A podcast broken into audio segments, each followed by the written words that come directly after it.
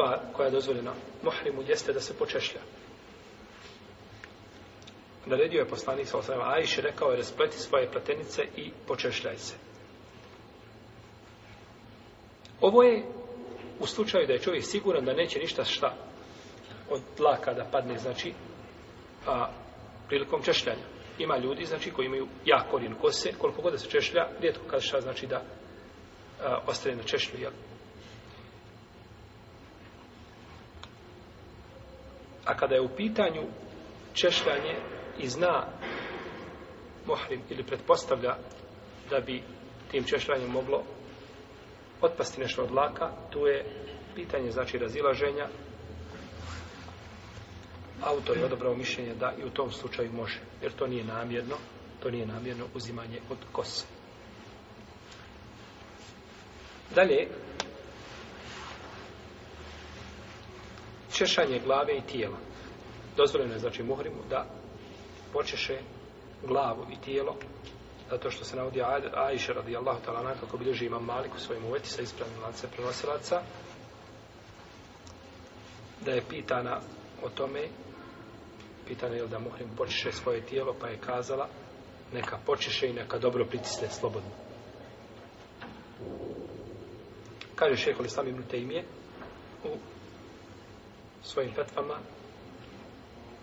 čovjek se može počes, počešati po tijelu i ako nešto otpadne od vlaka neće mu to smetati, neće mu to škoditi.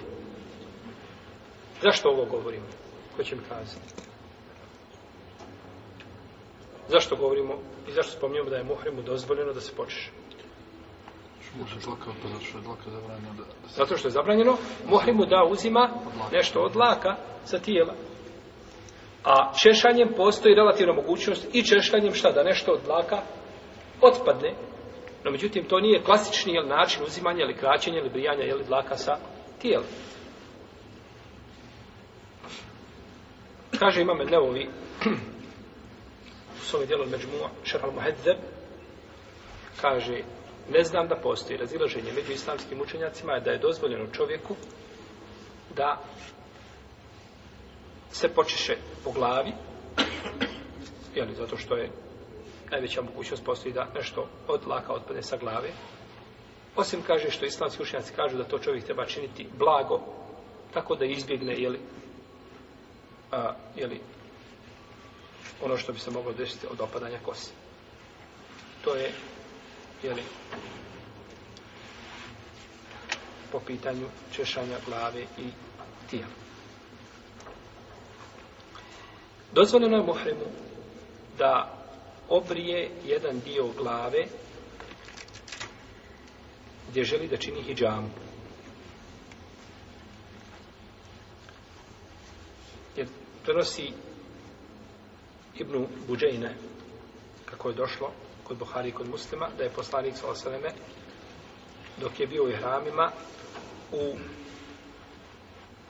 Laha Džemel, mjesto jedno koje je bilo na putu do Meke, da je obavio hijjamu na sred svoje glave.